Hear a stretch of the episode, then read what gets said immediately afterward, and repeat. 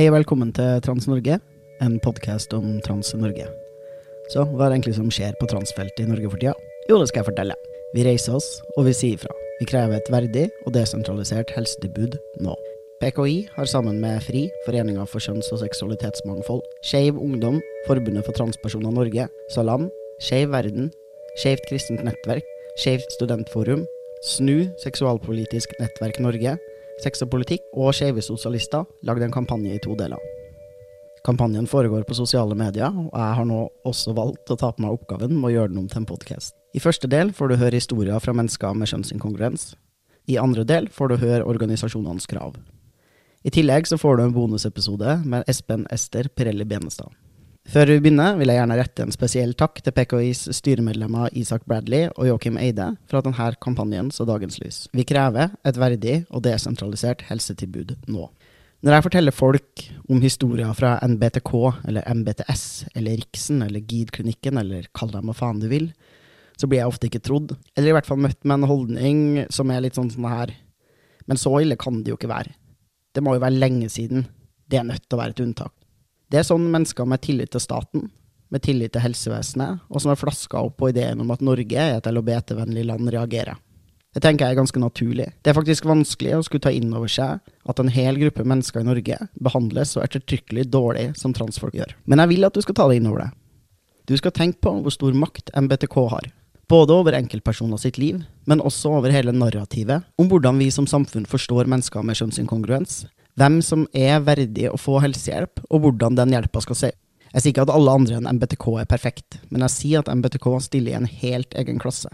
Ja, de har blitt mindre ille, men når ille har vært å fjerne noens eggstokker av livmor i en operasjon som var for å fjerne brystene deres, når ille er å nekte noen helsehjelp fordi de har født barn, når ille er å nekte noen helsehjelp fordi de er homofile, når ille er å holde noen i utredning i ni år for så å konkludere med at de ikke får hjelp, når ille er å ikke ha skrevet journal i det hele tatt. Ja, når ille er så ubeskrivelig ille, så skal det jaggu ikke mye til å forbedre seg. Ja, nå er det mindre ille. Istedenfor å si at det å ønske seg kastrering er et krav for å kunne få diagnosen og dermed helsehjelp i det hele tatt, så lyver de nå i stedet om kreftfaren ved å ha eggstokker og høye testosteronnivåer i kroppen. Mindre ille, men fortsatt jævlig ille. Vi må kollektivt ta et oppgjør med MBTK sin historie, det tankegodset og de holdningene som finnes der oppe. MBTK har behandla mennesker så hårreisende at det ikke funker å omstrukturere litt eller bare ansette et par nye folk. For å sette søkelys på hvor ille det er, og for å vise at det ikke er noen få unntak, har vi samla historier fra en lang rekke mennesker med kjønnsinkongruens i Norge. Så her kommer historiene om hvordan helt ekte mennesker har blitt møtt i norsk helsevesen i nyere tid. Noen leser sin egen historie, noen leser andre sin historie, og noen er bare fly forbanna.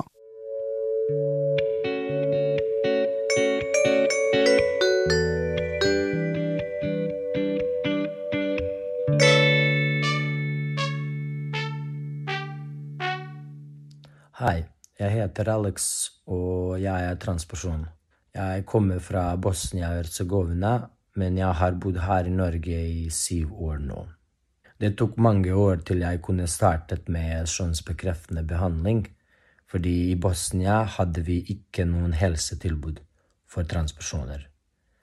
Så jeg måtte gjøre alt i Serbia, som tok også lang tid, for jeg kunne spare penger til det.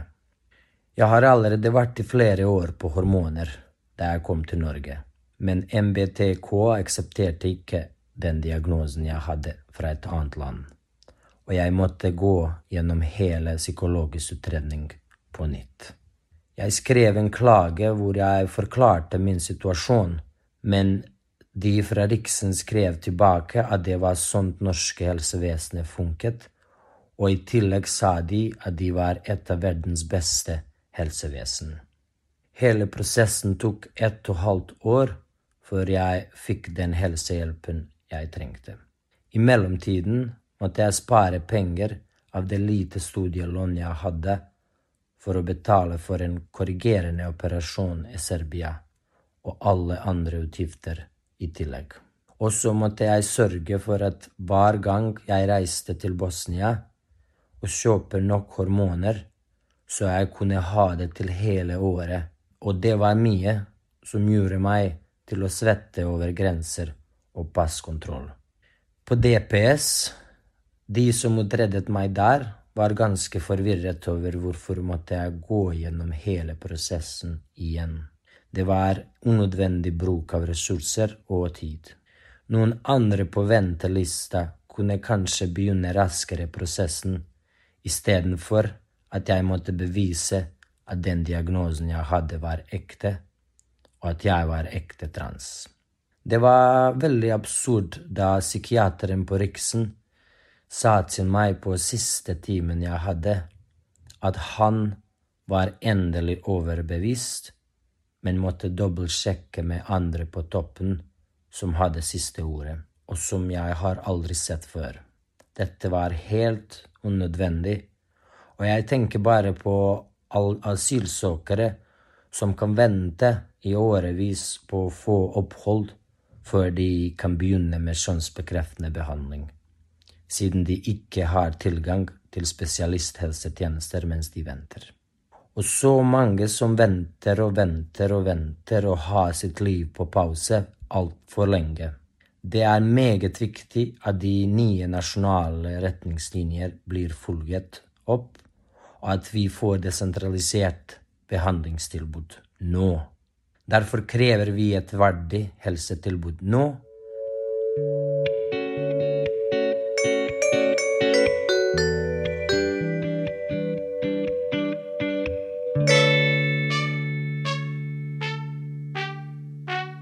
Vi er så heldige at vi har evnen til å kunne berike hverandre. Vi er så heldige at vi kan finne både likheter og ulikheter mellom oss. Vi er så heldige med vår ulik nyansering og ulik nevrologi. Definisjonen på hva det vil si å være menneske, hva det vil si å være trans, kvinne eller mann, er i endring. Vi er del av en verden i bevegelse, hvor hver og en av oss har rett til å kunne definere oss selv. Hvem er du, hvorfor det, og hva så? Mitt navn er Ask, og jeg er et menneske og jeg er trans. Jeg er også del av dette samfunnet. Jeg er noens far, jeg er noens sønn, noens bror, noens venn, noens kollega, noens nabo. Jeg er òg et barn av distriktet, som er en av mine største gleder. Allikevel, å være del av et mindre samfunn der informasjon innen kjønnsidentitet ikke har vært like utbredt, kan by på utfordringer med mangel på tilgjengelig hjelp og forståelse. Med økt kompetanse i distriktene har vi muligheten til å møte et ansvar for å bidra til at kjønnsmangfold er akseptert og inkludert. Når en selv eller noen rundt seg velger å bryte med en kjønnsidentitetsnorm, preger dette både den som tar valget og dens nære relasjoner. Hvilke utfall det vil ha, det er opp til oss. Ved å formidle at liv utenom vårt tokjønnssystem kan tillates, vil vi bidra til at færre føler skam over livsvalgene sine, færre vil stå i fare for misbruk, og færre liv vil gå tapt. Vit at du er verdig kjærlighet og støtte. Det er mulig å utrette noe som er større enn seg selv. Når vi beveger oss gjennom livet, danner vi ulike tankesett som kan være sunne og usunne. Naturlig nok danner vi oss forventninger, holdninger og atferd som reflekterer vårt tankesett. Vi tenker, derfor vi er. Vi tenker, derfor vi handler. Hver av oss har forventninger til hvordan vi vil bli sett og forstått, i form av hva vi mener vi fortjener, eller hva vi mener vi ikke fortjener. Som videre har påvirkning til hvordan en vil komme til å oppleve og forme seg selv. Som ethvert menneske blir vi påvirket av omverdens reaksjoner og holdninger. Glem ikke den råderetten du har over ditt eget liv. Det er lov å gi seg selv verdighet til tross for sin nyanse. Det koster å dvele ved sykdom. Hvordan kan vi sammen utvikle til et ensidig bedre språk, hvor behandlingstrengende ikke skal være redd for å miste livsnødvendig helsehjelp? Hvordan forene den som søker hjelp, og den som ønsker å bidra til hjelp, på best mulig måte? Bør nye tilnærminger til utredning utvikles? Bør vi bli enda mer åpne, bør vi stille andre spørsmål. En transidentitet er like nyansert som en hvilken som helst biologisk kvinne eller biologisk mann.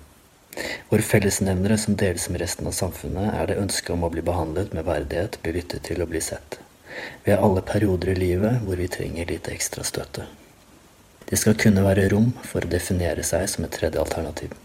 Det skal være mulig å ikke måtte velge mellom kvinne eller mann når ingen av disse betegnelsene kjennes riktig. Det skal være mer enn ok å finne en annen balanse for det å være. Verden har behov for varierte blikk. Å gi noe eksistens og akseptere er å gi det navn. Anerkjennelse er tilgjengelig for oss alle. Ja takk til kunnskap i distriktene, differensiering i helsetjenestetilbudet. Ja takk til kompetanseløft i helsetjenesten. Ja takk til undervisning om kjønn i helse- og sosialfagutdanningen. Ja takk til gjennomføring av forskningsprosjekt der menneskeverd videreføres i et nyansert spekter og bedre kunnskapsgrunnlag. Ja takk. Ja takk til mangfold. Ja takk til verdig helsetilbud nå.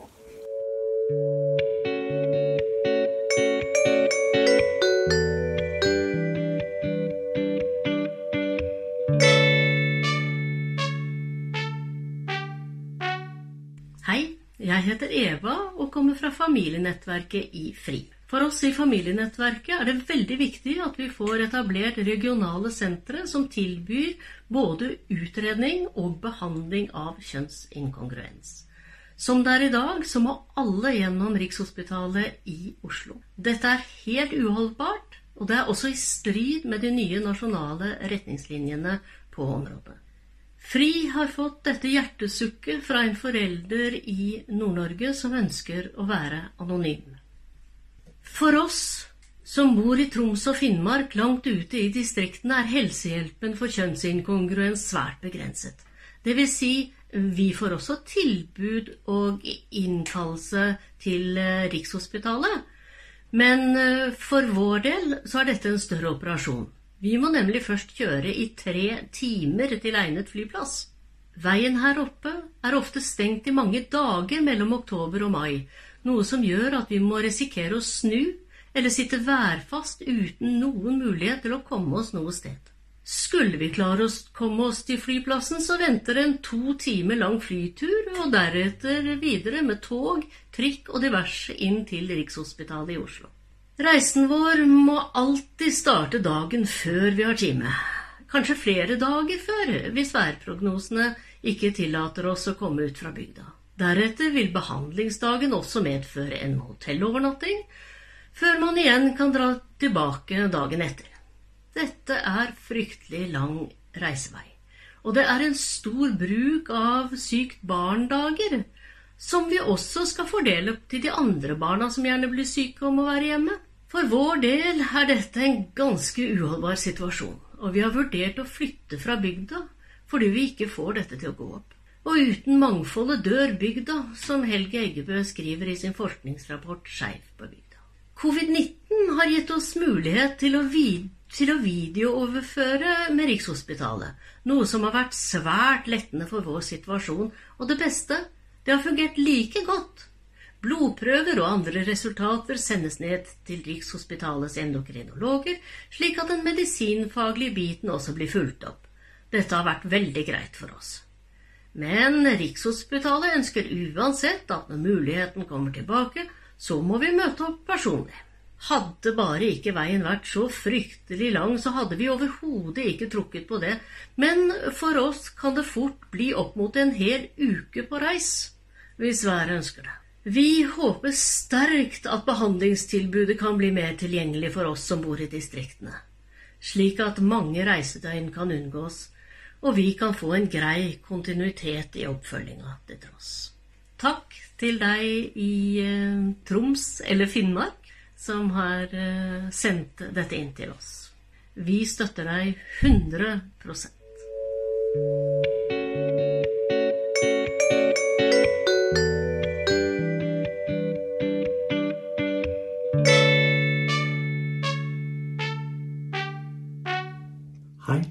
mitt navn er Georgine Hansen Skarshaug. Jeg er transkjønnet kvinne. Jeg bruker hun-pronomen, og jeg bor i Lærdal. I 2018 så kom jeg ut som trans. På den tida så måtte jeg reise innom ISP, altså psykolog, og henvise meg til Rikshospitalet for å få kjønnskorrigerende behandling. Under den tida jeg var hos psykolog for å få behandling, så tok det ett og et halvt år før jeg fikk en time hos Rikshospitalet. På det ett og et halvt året så stilte jeg meg mange ekstreme, ubehagelige og rett og slett uforsvarlige spørsmål om meg som person, min livshistorie, min seksualitet og mitt kjønn.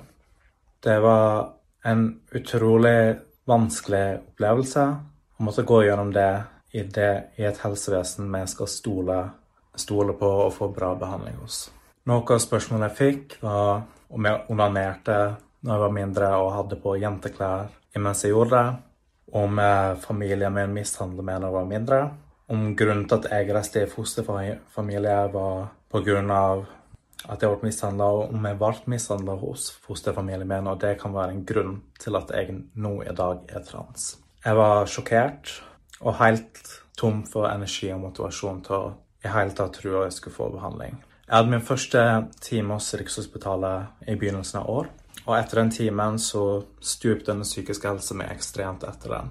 De fikk meg til å tro at pga. at jeg er en større kvinne, så måtte jeg gå ned ekstremt mye i vekt for å få hormonell behandling, og i det hele tatt få behandling hos Rikshospitalet. De hadde to timer etter det på ca. tre til fire måneders etter, eh, mellomrom. Og på de mellomrommene eh, så stilte de samme spørsmålene som de stilte de siste tre til fire årene. Jeg hadde fått nok. Jeg var på Jeg ble veldig, veldig suicidal, og jeg trengte kjønnsbekreftende behandling. Det var viktigere enn at jeg trengte å gå ned i vekt eller forklare vekk hvorfor min livshistorie ikke er relevant til hvorfor jeg skal få behandling. Så jeg tok, tok kontakt med en privat sexolog Ca. en uke etter jeg hadde tatt kontakt med privat eh, sexolog, så fikk jeg time hos henne. Noen få uker etter at time hos den private sexologen, så fikk jeg streng og utrolig respektabel oppfølging av henne. Der vi tok blodprøver, sjekket på den psykiske og fysiske helsa, om alt var OK for at jeg kunne begynne på min hormonelle behandling. Noen få uker etter det så var jeg begynt på spironolakton, som er en testosteronblokker. Noen måneder etter der igjen så har jeg fått lov til å begynne på estrogen, som jeg går på i dag. Den psykiske helsa mi ble ekstremt mye bedre etter det, og jeg kjente en stor lettelse av at jeg ble hørt av min behandler. Jeg ble respektert av min behandler, og jeg ble trodd av min behandler når jeg reiste inn dit. Det ble ikke av Rikshospitalet. Det ble ikke hos MBTS. Og jeg følte meg rett og slett ut som jeg var inne hos politiet. Og at jeg var nødt til å være veldig forsiktig med hva jeg svarte, ellers så kommer jeg ikke til å få riktig behandling. Nok er nok. Desentraliser tilbudet i Norge i dag, og respekter transpersoner og gi dem korrekt behandling.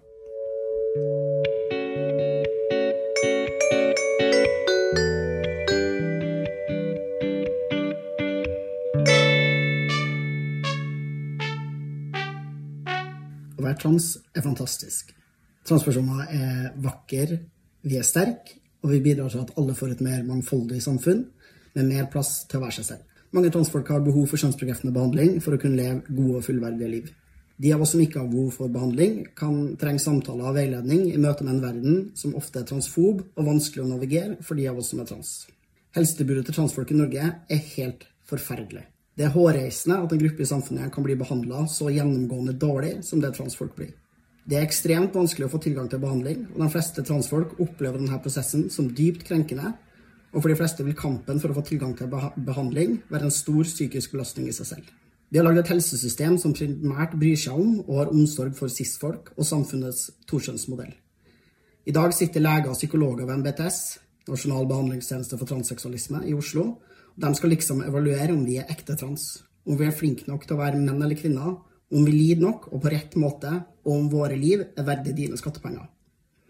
De her menneskene ser det som sin hovedoppgave å verne cis-personer mot å feilaktig gjennomgå kjønnsbekreftende behandling. Det gjør de ved å tvinge transpersoner gjennom lange psykiatriske utredninger. Vi må også komme ut som trans når behandlerne bestemmer det. Vi får kommentarer på kjønnsuttrykket vårt, og mange får beskjed om å ha sex med mennesker vi ikke egentlig tenner på. Vi må utlevere våre innerste tanker og får uendelig mange spørsmål om hva vi tenner på, og hvordan vi har sex. De forteller oss at det å være trans er en lidelse, At vi ikke kommer til å bli attraktive, at vi kommer til å bli livslange pasienter, og at behandlinga vi gjennomgår, er livsfarlig. På samme tid får vi ikke korrekt og relevant informasjon om hva behandlinga faktisk innebærer. Oppfølginga i etterkant av behandling er elendig. Mange får feil doser med hormoner, og atter andre får alvorlige komplikasjoner etter kirurgi. Komplikasjoner som kunne vært unngått om vi fikk god oppfølging og informasjon i forkant. På samme tid presser de folk til å gjennomgå behandling de selv ikke ønsker seg. Det gjør de ved å f.eks. lyge om at det er forhøya kreftfare om man går på testosteron og eggstokker samtidig. De leter med lys og lykter etter spekulative forklaringsmodeller som liksom skal bevise at vi ikke egentlig er trans. Det betyr at alle som har et fnugg av psykiske problemer i livet, eller en traumatisk opplevelse i bagasjen, får direkte og indirekte beskjed om at dette er grunnen til at de feilaktig tror at de er trans. Da jeg ble utreda av MTS, så sa behandleren at de trodde at jeg var trans fordi broren min døde da jeg var ung. De mente at jeg prøvde å ta hans plass i familien. MBTS kastrerte oss frem til 2016. Men de har ikke gitt seg ennå. Presset på å la seg kastrere er fortsatt stort. De nekter ikke-binære tilgang på kjønnsbekreftende behandling, og de snakker nedlatende om ikke-binære mennesker til de andre pasientene sine. Når du ikke tror på at transfolk finnes, når du ikke tror på at ikke-binære mennesker eksisterer, og når du er reddere for å gi feilaktig behandling til en cis-person enn du er for å ikke gi behandling til en transperson som desperat trenger det, ja, da er du transfob. Du har grunnleggende negative holdninger til og ideer om transfolk. Transfobe mennesker kan ikke jobbe med transfolk. Det å gjøre tilgangen til kjønnsbekreftende behandling vanskelig er konverteringsterapi. De forsøker aktivt å tvinge transfolk til å late som om vi er cis. De presser oss inn i binære kategorier, og de prøver å få oss til å ha sex vi ikke ønsker å ha. Det er konverteringsterapi. De menneskene som påstår at de er landets fremste eksperter på kjønnsbekreftende behandling, forsøker aktivt å minimere antallet transpersoner i Norge. Tenk på det at om en cis-person gjennomgår en form for kjønnsbekreftende behandling, så ender de altså opp med å ha en kropp som ikke helt matcher deres kjønnsidentitet.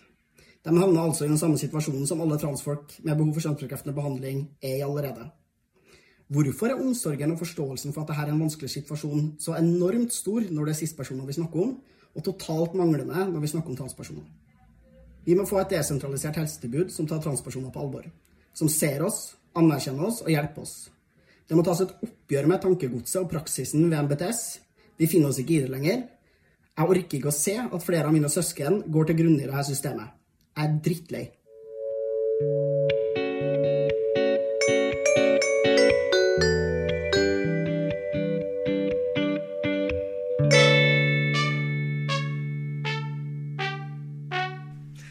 My name is Leon Bell. I'm a trans guy and I'm going to talk a bit about my experience at Rikshospitalet. So, I first came there the spring of 2019 and it actually didn't take more than a year until I was on testosterone. So you might think, what's the problem? You know, you got treatment, all is fine. But my problem is with the way I was met there.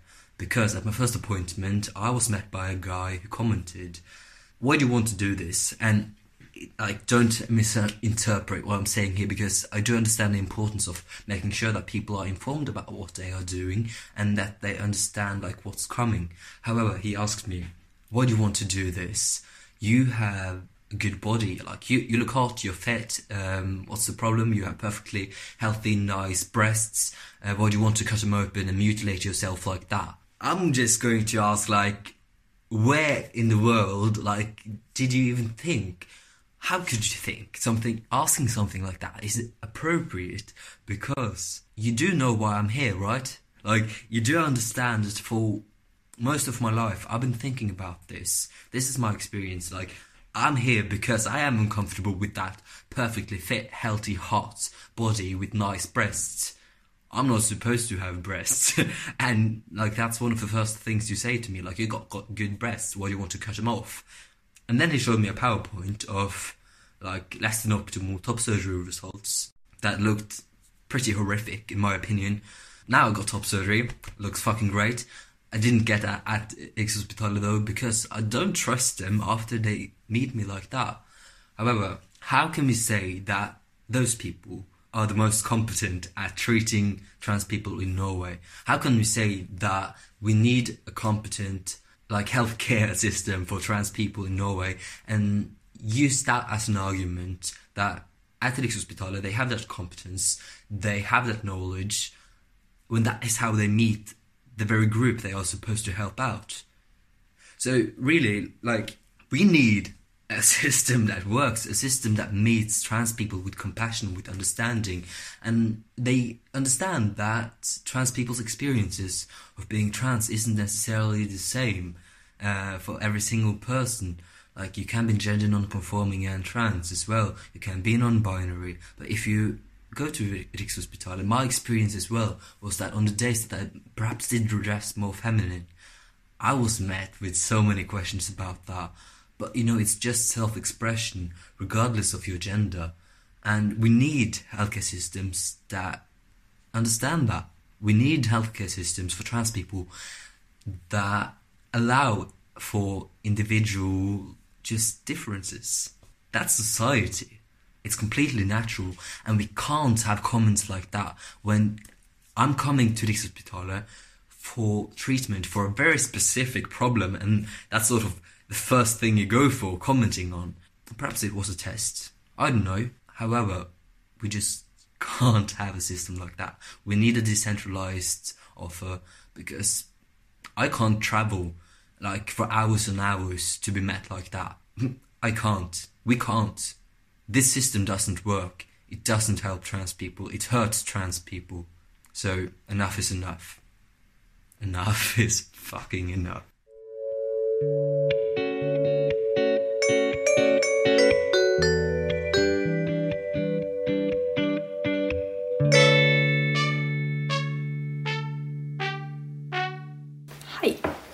Jeg heter Henrikke, og jeg er mamma til en gutt som er født jente.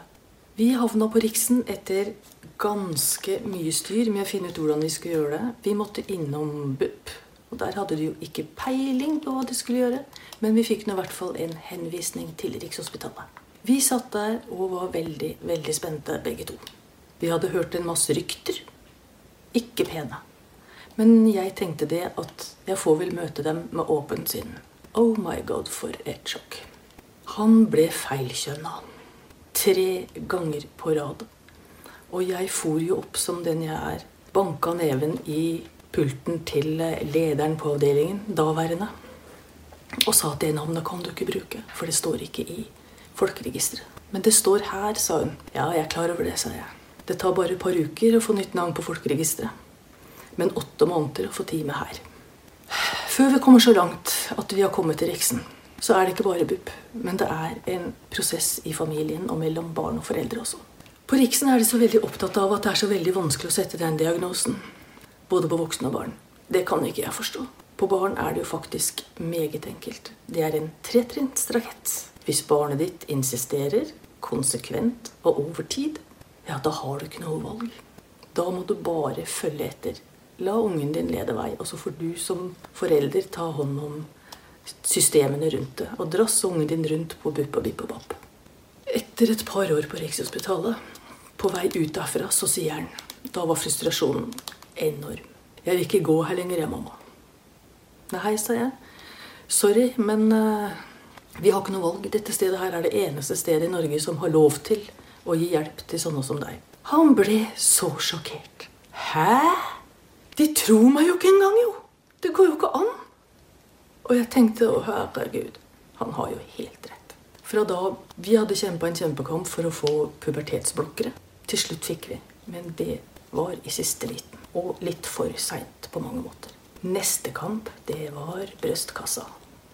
Vi endte opp med å gå privat. For det, det gikk ikke an å vente på den. På Rikshospitalet har de en tese om at alle barn med kjønnsinkongruens er usikre på kjønnsidentiteten sin. Derfor så skal dette ta veldig, veldig lang tid.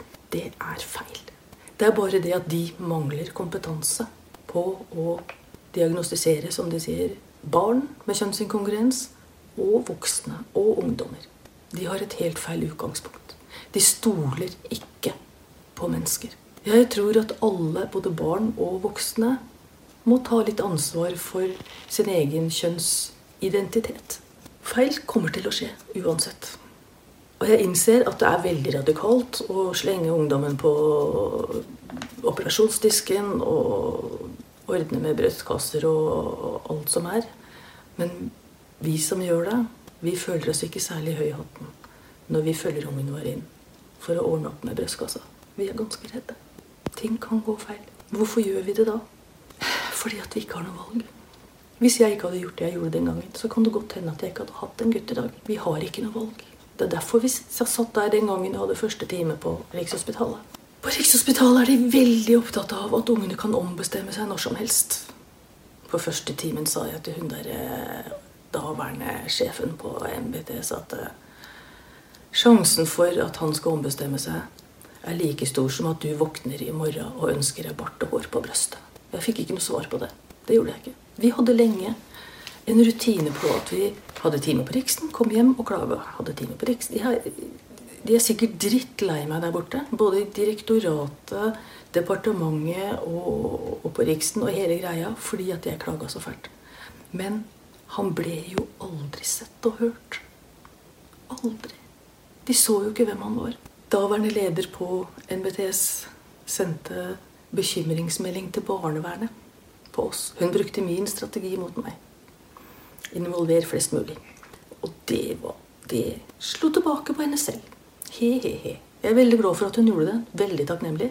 Jeg måtte ta han ut av skolen og møte opp hos barnevernet. Og hun sier jaha, dere veit nok ikke hvorfor dere er her, men det er eh, For det, det visste vi ikke. Vi visste bare at vi skulle, skulle fordi det hadde kommet eh, bekymring fra Riksen. Da fortalte hun oss at bekymringsmeldingen gikk ut på manglende samarbeid. Og da sa jeg ja, jeg er hjertens enig. De verken ser eller hører ungen min. De skjønner ikke hva han trenger, og sier bare nei, nei, nei. Og kjører med aldersgrenser stikk i strid med hva lovverket rundt eh, eh, pasientrettigheter sier. Alle skal ha en individuell plan. Det er det ingen som får på det stedet der. Alle unger er forskjellige, og alle har forskjellige behov. Det er viktig. Så hun barnevernsmedarbeideren gjorde en fantastisk jobb for oss. Tusen takk skal du ha. For samtidig, midt oppi alt dette her, så ble vi også kasta ut. fordi at Daværende leder ble så provosert fordi at vi skulle ha med oss uh, Ingunn Vik fra helsestasjonen i Oslo. Det ville hun ikke ha. Og da fikk jeg beskjed på telefonen at verken Fri eller Ingunn Vik eller noen andre fikk lov til å følge noen. For her måtte ungdommene komme selv alene. Ja, ja. Det er maktspråk, det. Vår oppgave som foreldre, uansett om du har et barn som er døv eller blind, mangler en tå eller har psykoser, vår oppgave det er å elske dem ubetinga. Og det kan vi ikke gjøre hvis vi ikke ser dem. Mine opplevelser som foreldre på Riksen syns jeg er jeg, jeg, opplevde en vanvittig maktesløshet. Det var rett og slett grusomt. Og at de kunne se på at mitt barn holdt, på å gå til grunne uten å gjøre noen ting. Veldig skremmende. Enda mer skremmende er det at vi ikke er aleine. Vi er ikke aleine om disse opplevelsene. Nå er det på tide at mennesker med kjønnsinkongruens, uansett alder og kjønnsidentitet, får et verdig tilbud lokalt der de bor. Spreng makta på Riksen.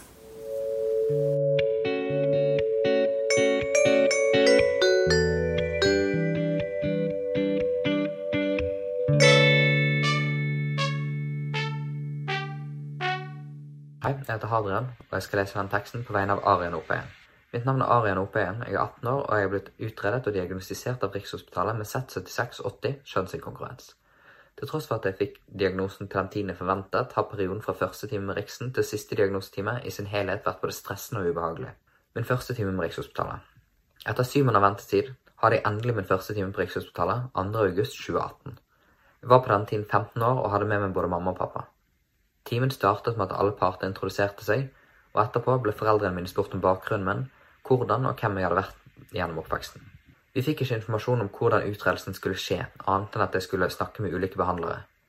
Informasjonen om når mine neste timer var, hvilke spørsmål som var i vente, og hva behandlerne skulle finne frem til, sa han ingenting om. Da mamma begynte å stille spørsmål om akkurat denne informasjonen, var det som at behandleren oppfattet henne som aggressiv, og deretter ble hun tatt med ut på gangen. Hun spurte kan jeg få et ord med deg alene. Pappa og jeg satt igjen på samtalerommet, og allerede da følte jeg meg usikker som pasient. Behandleren klarte ikke å svare på relevante spørsmål om prosessen uten å oppfatte det som et angrep mot systemet. Da de kom inn igjen, spurte behandleren om vi hadde hørt rykter av andre om systemet til Riksen. Det var som om de forventet at jeg og familien hadde hørt masse negativt om dem, og prøvde sitt beste på å forklare at nei, sånn er det jo ikke. Dette synes jeg var mistenkelig og virkelig. Den samme timen forklarte mamma at jeg fungerte godt på alle livsområder, men at det selvsagt var vanskelig for meg å stå i den situasjonen jeg sto i, og at det til tider kunne påvirke meg sterkt. Da begynte behandleren å prate om at ungdomstiden er vanskelig for alle tenåringer, og deretter sammenlignet han meg med sin egen sønn. Som pasient følte jeg meg egentlig veldig oversett, som den situasjonen jeg sto i ikke var så seriøs, og at det ikke handlet om liv og død. Det er jo det det var, og fortsatt er, snakk om. Behandleren spurte meg til slutt om det var noe jeg lurte på angående utredelsen. Jeg svarte nei, men at jeg egentlig ikke gledet meg noe særlig. Jeg visste at det ville ta sin tid å utrede meg som pasient, gi, for å så gi meg diagnosen. Det var nemlig det å vente på diagnosen jeg gruet meg til. Jeg følte at jeg allerede hadde ventet lenge nok for å få startet livet mitt som den egentlig var. Behandleren sa da, men Arian, det er jo ikke så ille. Heller ikke så lenge av livet ditt. Det er bare ett år av hele ditt liv. Det kommer du til å klare. I dette øyeblikket følte jeg meg ikke sett eller hørt i det hele tatt. Jeg sitter der som en 15 år gammel gutt som ble født i en kvinnelig kropp. Og foran meg sitter en dame født i helt riktig kropp og forteller meg at ett år ikke er lenge. Det å våkne opp 365 dager i året med feil kropp, feil utseende og en stemme man selv hater, det er ganske lenge for den som opplever å stå oppi det hele. Vi skal ikke glemme at det ikke bare handler om det ene året som lå foran meg. Men hva med alle de årene før jeg kom ut som transperson? Jeg har lidd hele livet så lenge jeg kan huske. Ett år kan virke som en evighet. Ungdom blir fortalt at ungdomstiden er kort, og at vi skal leve den tiden fullt ut. Men det eneste som vil stå i hodet mitt, var den prosessen. Og den prosessen er ikke kort. Jeg gikk fra min første time med en usikkerhet, men jeg fant en ro i at vi skulle få et ark med alle oppsatte timer jeg skulle ha med dem. Og da ble ikke alt like uforutsigbart. Likevel fikk vi ikke dette automatisk. Vi spurte, nesten krevde det av de, grunnet eget initiativ. Min andre time med Rikshospitalet. Den andre timen ble jeg, som forventet, møtt av en ny behandler. Han startet samtalen med å si du er jo den gruppen mennesker vi vet minst om. Jeg kunne ikke annet enn å nikke til det han sa, men syntes det var unødvendig å si det. Jeg sitter der og vet at denne behandleren, sammen med den andre behandleren, er de som skal diskutere hvorvidt jeg skal få diagnosen eller ikke. Det at de uttrykte null kompetanse i min situasjon, gjorde slik at de mistet min tillit raskt. Jeg ble stresset og redd på mine egne vegne. Makten lå jo hendene til folk som ikke kunne noe. Eller i så fall min. Det er slik jeg oppfattet det, men det er òg bekreftet via samtale. Generelt om samtale til Riksopptalet. Under mine timer på Riksopptalet ble jeg spurt de samme spørsmålene om og om igjen, men på forskjellige måter. Det ble stilt spørsmål til hvilke hobbyer jeg hadde, om venner og familie, men også om seksualitet. Vi var veldig opptatt av om jeg likte jenter eller gutter. Dette ble spurt på om hver time. Jeg kunne ikke forstå hvordan seksualiteten min, hvilket kjønn jeg var tiltrukket til, var relatert til min situasjon, hvilket kjønn jeg selv er. Jeg spurte den ene behandleren om hvorfor de spurte meg akkurat dette. Da fikk jeg bare latter i svar. Skjønner du ikke det? sa behandleren. Vi vil jo vite hvem du er. Det var greit for min del at de ville bli bedre kjent med meg som person, men at de var aldri interessert i det de egentlig skulle ha fokus på, kjønnsdysforien. Jeg ble ikke spurt om hvordan det var å våkne hver dag med kvinnelig kropp, hva jeg syntes om min egen stemme, eller hvilke tanker jeg hadde dersom jeg skulle bli referert til med kvinnelige pronomen. Jeg følte mildt sagt at, jeg, at vi aldri kom oss fremover, og at de stilte spørsmål som bare ga de for lite grunnlag til å gi meg diagnosen. Det var jeg som måtte ta initiativ og si det med kropp, det er ikke moro. Men de stilte aldri spørsmål som ga meg rom for å forklare hvordan min kjønnsdysfori var, og hvordan dette påvirket hverdagen min. Jeg følte at jeg måtte hoppe ut av temaet for å snakke om det, selv om det med kjønnsdysfori i utgangspunktet burde vært det eneste temaet. Da jeg fortalte at jeg ønsket å bli satt på venteliste til toppoperasjon grunnet sterk dysfori, ble jeg fortalt at det ikke var like vanskelig for meg å leve med de brystene jeg på den tiden hadde, fordi de var små, mente de. De sa at jeg måtte tenke på de med større bryster først, og at det var lett for meg å gjemme mine. Jeg ble frustrert, men visste på samme tid at jeg ikke kunne uttrykke det. Jeg syns rett og slett at det var kjemperespektløst. Jeg var at the end of the day en gutt med bryster. Hvor store eller små de er, har ingenting å si. Det var like vanskelig for meg som alle andre transmenn å leve med det. Men det klarte ikke behandleren å forstå. Det viste meg bare hvor lite de visste om kjønnsdysfori, og hvordan man håndterer pasienter som opplever å leve med Utsettelse av timer. Min tredje time på Riksen ble utsatt, og jeg fikk et brev som ikke fortalte meg hvorfor. Det sto bare at timen var utsatt grunnet uforutsette hendelser. Jeg fikk panikk da jeg leste brevet og brøt ut i tårer. Var de usikre på meg? Hva skjer med de timene som er oppsatt? Ble de òg forskjøvet? Når blir min neste time hvis denne ikke blir gjennomført? Blir min siste diagnosetime fortsatt den datoen som ble først satt, eller? Jeg fikk som alltid null informasjon. Det var ikke perioden jeg ble utredet for som var stressende i seg selv. Det var Riksen som påførte meg stress i perioden. Når man skal skape trygghet hos en gruppe mennesker som kan være sårbare, hvorfor kan man ikke da gi den informasjonen de trenger for å holde hodet kaldt og roen i sjakk? Jeg møtte også opp på Rikshospitalet en gang bare for å bli fortalt at også denne timen hadde blitt utsatt. De hadde glemt å sende ut brev som skulle informere om dette. Det sendte de da jeg sto der og måtte dra hjem igjen. Det hjalp ikke stort. Heller ikke denne gangen fikk jeg en forklaring på hvorfor. Jeg spurte ved en senere anledning hva grunnen var for den første avlyste timen som ble omtalt som en uforutsett hendelse, som er fortsatt relatert til meg sjøl. Da får jeg i svar nei, behandleren du skulle ha, var hjemme med sykt barn. Hvorfor kunne jeg ikke bli informert om dette, at det ikke var noe galt med meg, eller noe jeg hadde sagt som forårsaket at de kanskje måtte holde meg lenger i systemet enn planlagt? Vi trenger et desentralisert, verdig behandlingstilbud der vi bor. Nok er nok.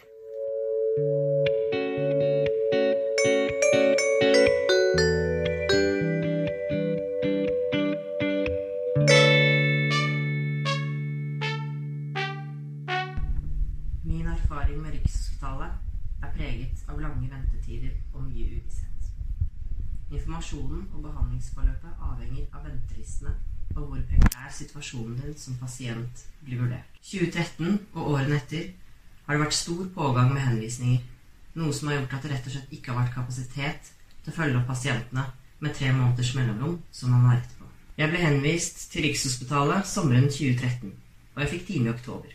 Et par dager før timen min ble jeg ringt opp og gjort oppmerksom på at behandleren min var sykemeldt, og at timen min var utsatt på ubestemt tid. Dette var veldig skuffende og langt fra det siste tilfellet. En gang gikk det åtte måneder mellom avtalene, og da jeg endelig fikk time, så ble jeg møtt av en psykologistudent som ikke kunne fortelle meg noe om veien videre, verken om operasjonsdatoer eller diagnose.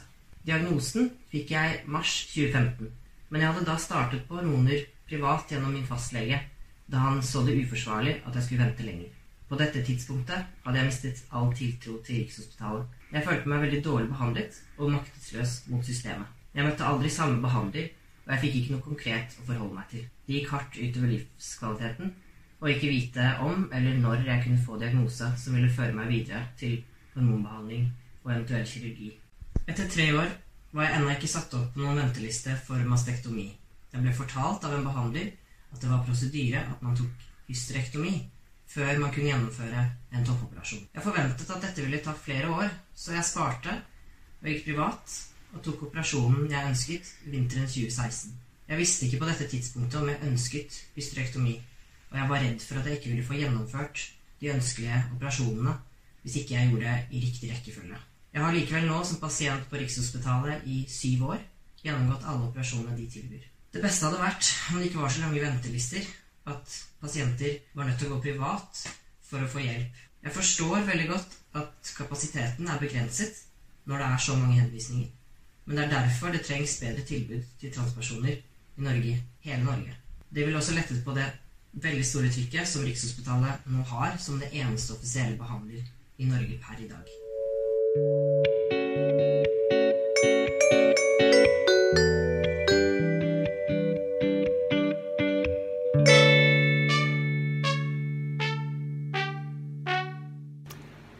Definitely going to need facial surgery. The way you walk isn't very manly. You should have sex with men if you want to be a woman. We are not going to use your preferred pronouns or name in case you would regret later. It's so difficult with trans boys who dress so girly. Don't expect us to believe you when you come here with eyeliner and saying you're a guy. What clothes do you wear when you touch yourself? Are you passive or active during sex? Do you have sex as a man? We believe you're a lesbian, not a man. Why don't you want to be a lesbian? The way you dress shows that you're not even trying. How can we believe you're trans if you don't even try? Hi, my name is Mathilde Fosheim, and I'm the leader of the Norwegian Patient Organization for Gender Incongruence. All the things I said in the beginning are things our members were told by the staff of the only public gender clinic we have in, in Norway. They're called the National Treatment Facility for Transsexualism, NBTS for short. They have been heavily criticized for over a decade by users, user organizations, and even international organizations. All this criticism has led to the government finally implementing new guidelines for gender incongruence. These were supposed to lead to three major things. First, a decentralization. Norway is a long country. The distance from the north to Oslo, where NBTS is based, is about the same as from Oslo to the south of Portugal.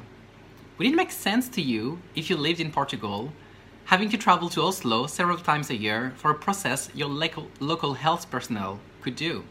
Second, the absolute need for gender affirming treatment for non binary persons. Non binary persons can experience just as much dysphoria as other trans persons, and yet they are rejected from NBTS just because they are non binary. The new guidelines, as well as the new diagnosis classification, were supposed to change that. Imagine two people needing similar treatment, but one doesn't get access to it just because their gender identity isn't man or woman. Denying a trans person treatment solely based on their gender identity, that is transphobia. Lastly, the guidelines were supposed to ensure gender clinics would move away from a gatekeeping model and towards an informed consent model, like it is done internationally. Instead, we have a system where the health personnel are not trying to help you, but are putting up walls to determine if you really are trans. They hide behind the argument that they must at all costs avoid cis people wrongly going through gender affirming treatment. They are putting the suffering of a very, very few cis people above the suffering of all other trans persons. That is also clearly transphobic. As a patient organization, we were involved in a process that should have led to decentralization. Instead, we witnessed the one facility that has the monopoly, who has been criticized for so long, sabotaging this process and convincing the other regions of Norway that only them in Oslo are qualified to give this kind of treatment.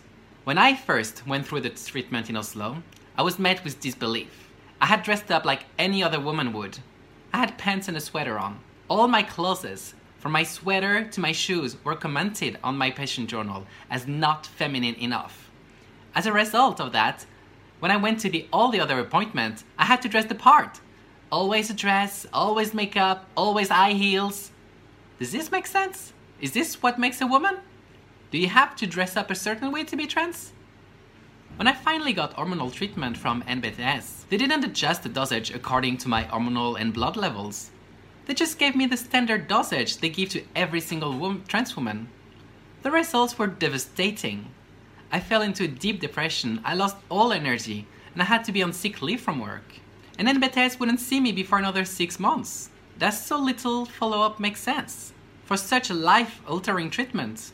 Thank God, my normal doctor was there. We took blood tests together, we adjusted the dosage, and I quickly was much better. How can a facility that treats so many patients so badly, amongst many other things, fucks up the most basic hormonal treatments, call themselves experts? We are ridiculously tired of this bullshit. And every time we raise the voices of our members and ourselves, we just get the same answer.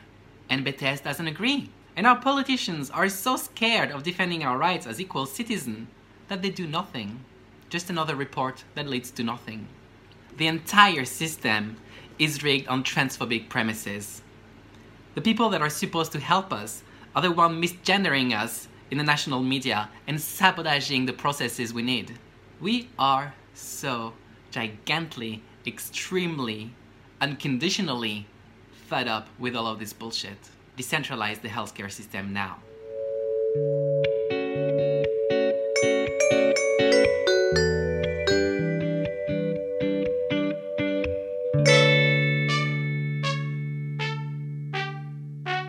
Hei, jeg heter Niklas Solander Hansen, og jeg er transmann. Jeg skal fortelle litt om min opplevelse hos Riksen når jeg gikk der. En av de tingene jeg husker spesielt godt fra Riksen, var faktisk min første time i 2016, der jeg blir, etter en kort samtale med en behandler, satt inn på et rom helt aleine med en bunke med masse skjemaer som jeg skal svare best mulig på, sier de. Der ble jeg sittende i en og en halv til to timer og prøve så godt jeg kan å svare på masse spørsmål jeg ikke forstår, og noen som jeg selvfølgelig forstår, men det jeg savnet da, husker jeg, var at det var en person som satt der med meg da, og kunne svart meg på de tingene jeg lurte på i forhold til de spørsmålene som sto i disse skjemaene, da. Så det endte med at jeg blei fryktelig fortvilet og lei meg fordi at jeg tenkte at hvis jeg svarer feil eller har svart feil på disse spørsmålene, så kommer det til å gå utover min vei videre på Riksen, eller at jeg i verste fall blir avvist for å få hormoner osv. Så, videre. så det gjør at jeg til neste time føler et veldig ubehag.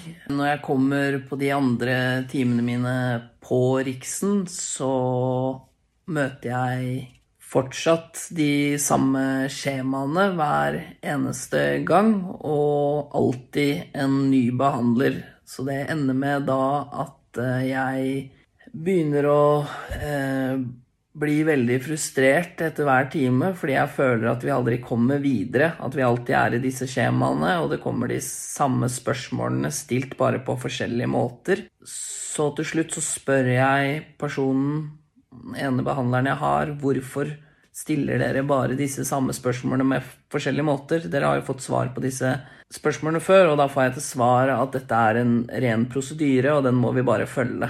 Noen av de spørsmålene jeg ble spurt om, var f.eks. om jeg tenkte på foreldrene mine i forhold til sex. Om jeg var aktiv eller passiv i senga. Jeg også veldig opptatt av hvilken legning jeg hadde. Og veldig mange andre veldig spesielle spørsmål som gjorde at man følte veldig ubehag da, når man fikk stilt disse spørsmålene av dem. Som også gjorde at jeg grua meg veldig for hva slags spørsmål jeg kom til å få neste gang jeg kom til en ny time. Jeg kunne nok sagt veldig mye mer om min opplevelse av Riksen, men jeg vil gjerne få med meg litt om HKS, som jeg startet opp hos i 2014, som er helsestasjonen for kjønn og seksualitet. Der blei jeg møtt av imøtekommende mennesker som var eh, fulle av kjærlighet som så meg for den mannen jeg er og alltid har vært. Noe som er ganske tungt å si, er faktisk at hadde det ikke vært for HKS, så hadde ikke jeg eh, vært her i dag. De har hjulpet meg såpass mye at eh, jeg kan ikke få takket de nok, for å si det sånn. Jeg må avslutte med å si at jeg syns ikke at Rikshospitalet skal ha monopol på behandling. Eh, at nok er nok. Vær så snill og gi oss et verdig helsetilbud nå. Du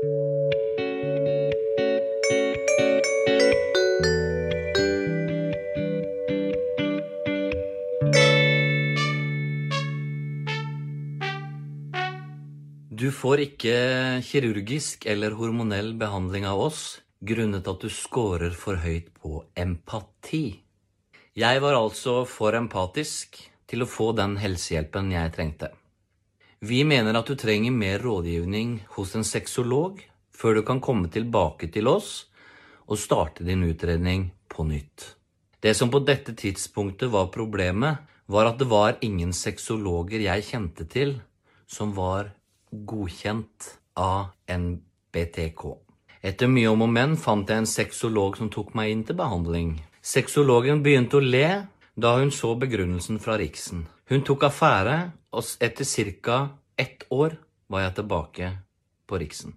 Da jeg igjen startet behandling på NBTK, hadde jeg fjernet bryster og startet på hormoner privat. Jeg følte jeg var for gammel til å vente tre eller fire år til og risikere nok et nei til behandling. På min første time hos Riksen fikk jeg kjeft i 20 minutter og ble bedt om å gå. Det skulle gå nok et halvannet år før jeg fikk ny time. Hei, mitt navn er Robin. Jeg kommer fra Porsgrunn. Jeg jobber tett med transpersoner i samtalegrupper i Porsgrunn og Oslo og omegn. Jeg har fått tillatelse til å lese opp noe av det som blir fortalt meg i en samtale. Og grunnen til at ikke disse personene leser dette selv, er fordi de er redd for å bli kasta ut av behandlingskøen på Riksen. Gutt 18 år. De spør om jeg liker å ta på meg selv, og hvilken type sex jeg liker å ha. Om jeg liker BDSM. Jeg visste ikke engang hva BDSM var. Gutt 15 år. Jeg har én time i året på Riksen og de varer som regel i 20-45 minutter. Hvordan skal de klare å bli kjent med meg på 45 minutter i året? Og hvor mange år kommer dette til å ta? Tenk om jeg etter fire til fem år får nei til behandling? Da tar jeg mitt eget liv. Hvem er det som kan leve slik? Jente 22 år. Du har jo så fin kropp som den er, kan du ikke bare prøve å bli litt glad i den? Jente 27 år. Vi føler ikke at utredningen din samsvarer med vår opplevelse av hvem du er. Så vi må be deg om å ta testene en gang til. Dette vil ta ca. to år. Denne jenta var egentlig ferdig utredet og skulle få begynne på hormonell behandling. I stedet ble hun bedt om å ta alle psykiatriske tester på nytt. Grunnlaget var at testene ikke samsvaret med hvordan hun pratet i terapi. Men som hun selv sier, jeg har hatt tre samtaler på MBTK på tre år. De andre gangene har jeg vært alene inne på et rom og fylt ut psykiatriske SKID-tester. En SKID-test kartlegger om man har underliggende psykiske diagnoser, eller problemer som kan være med på å påvirke beslutningen om å bekrefte sitt eget kjønn eller ei. Et av spørsmålene jeg fikk, var om jeg likte å antenne branner. Hva har dette med saken å gjøre? Gutt 22. Jeg går med store hettegensere, altfor store jakker året rundt. Jeg har gått med skuldrene fremover for å skjule brystene. Dette har gitt meg kronisk hodepine fordi skuldre og nakke konstant er anspent. De har feilkjønnet meg tre ganger på Riksen. Da jeg sa til dem at jeg ikke orker å leve slik lenger, og at jeg vurderer privat hjelp, fikk jeg beskjed om at jeg ikke kunne komme tilbake for videre hjelp, og at jeg ville bli satt bakerst i behandlingskøen. Jeg har ikke penger til privat hjelp, slik situasjonen er nå, og jeg har heller ikke fått ny time på Riksen. Hvem er det som orker å leve slik? Dette er kun noen få setninger jeg har fått lov til å fortelle videre av transpersoner jeg har konsultasjoner med. Daglig fortelles det om tanken på å ta sitt eget liv fordi de ikke får den hjelpen de trenger, og de lever daglig i et sterkt minoritetsstress. Når de endelig kommer inn på time til Riksen, kommer de i samtale med helsepersonell som ikke har kompetanse på feltet. Det er åpnet et regionalt senter på sykehuset i Vestfold for dem som er født i feil kropp. Jeg synes dette er et utsagn som skal slettes. Vi er ikke feil. Vi har noen fysiske utfordringer som må justeres. Dette senteret gir ikke helsehjelp til dem under 18 år, gir ikke hormonell eller kirurgisk hjelp, og dem under 18 år blir sendt tilbake til psykiatrien. Tanken her er sikkert bra, men hvor er kompetansen, og hvor er hjelpen? I 2018 ble transseksualitet fjernet som en psykiatrisk diagnose etter 60 år feildiagnostisering. Hvordan kan da helsepersonell sende ungdom tilbake til psykiatrien? Transpersoner er ikke syke. Nå må monopolet ta slutt. Psykiatrien skylder transpersoner en ydmyk og dyp beklagelse. Og bare en liten ting til slutt. Dette handler ikke om mote eller at det er inn å skifte kjønn. Og vi får heller ikke anabole steroider av legen. Og dette er ikke impulsive handlinger. Dette handler om retten til å leve som den man er, og få bekrefte seg selv og sitt eget liv. Og det er faktisk helt utrolig å være transtalent. Jeg ønsker at helsevesenet våkner, og at alle dere som tenker at livet ikke er verdt å leve, får den hjelpen dere har krav på, og masse kjærlighet. Nok er nok. Nå må vi desentralisere behandlingstilbudet før flere liv går tapt.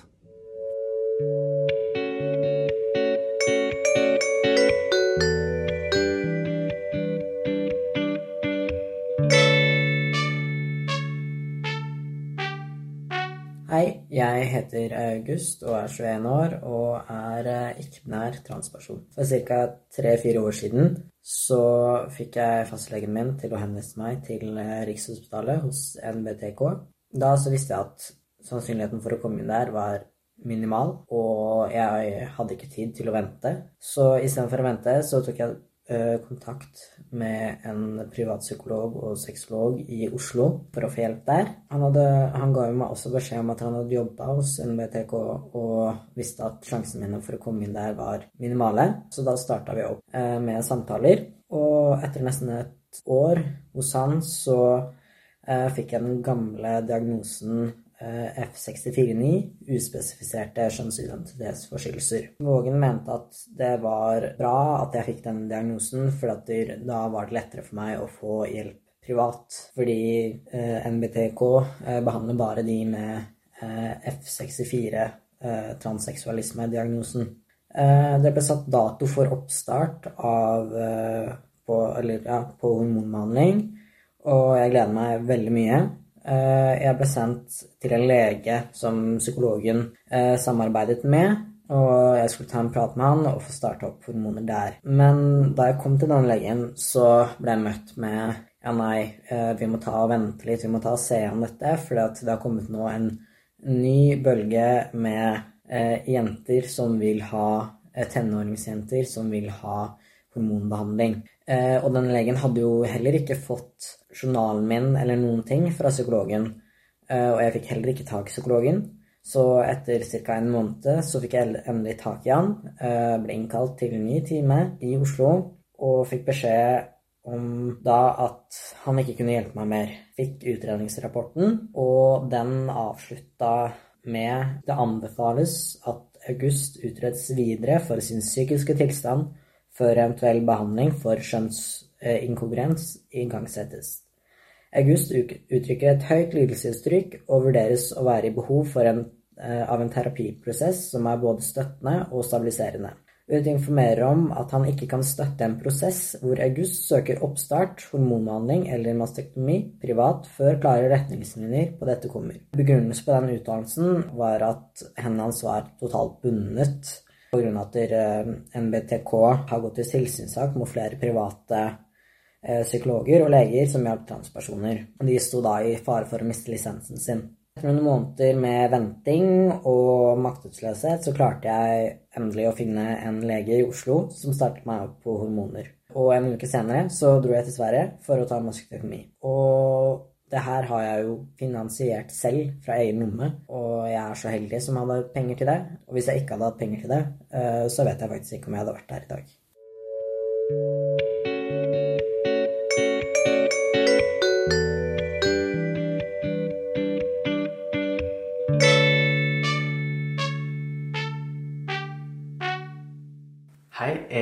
Christian, og jeg er en transmann.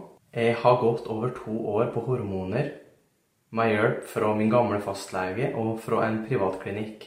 Jeg måtte søke privat helsehjelp pga. at Rikshospitalet avviste meg. Første gangen Rikshospitalet avviste meg, så begynte jeg på DPS for å få utredning, slik at jeg kunne komme inn på Rikshospitalet.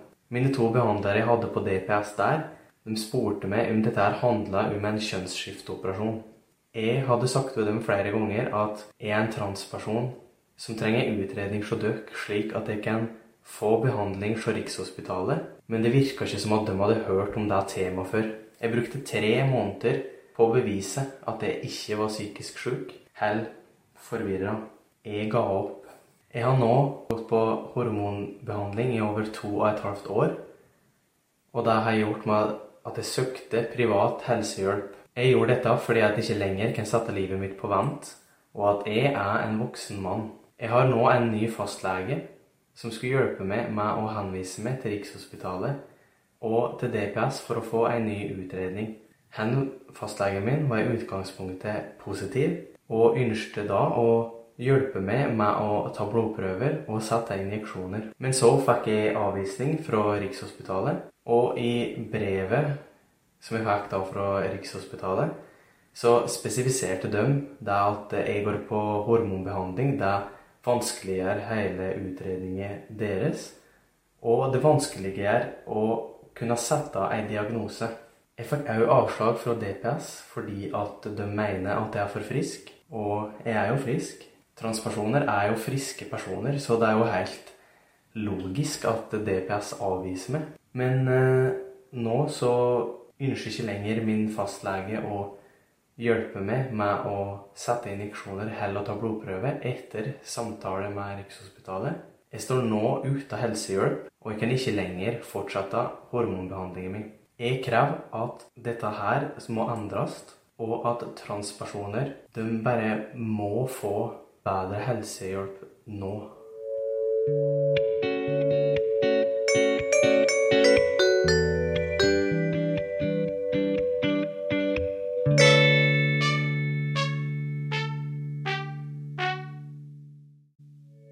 Takk for at du hørte på Trans-Norway i dag. Jeg heter Luka Dalen Espeseth. Takk til Martin Skjold for den nydelige Trans-Norge-musikken. Takk til Salam for at vi får låne utstyr til å ta opp denne podkasten. Takk til Isak Bradley og Joakim Eide for å ha organisert denne kampanjen. Og takk til Karoline Skarstein for hjelp med lyden. Følg Trans-Norway på Spotify for å få med deg alle episodene av Trans-Norge. Spre ordet om podkasten hvis du liker den. Følg PKI på Facebook og Instagram. Der heter vi pki.norge. Og meld deg inn i PKI på nettsidene våre kjønnsinkongruens.no. Følg kampanjen på emneknaggen Verdig helsetilbud nå.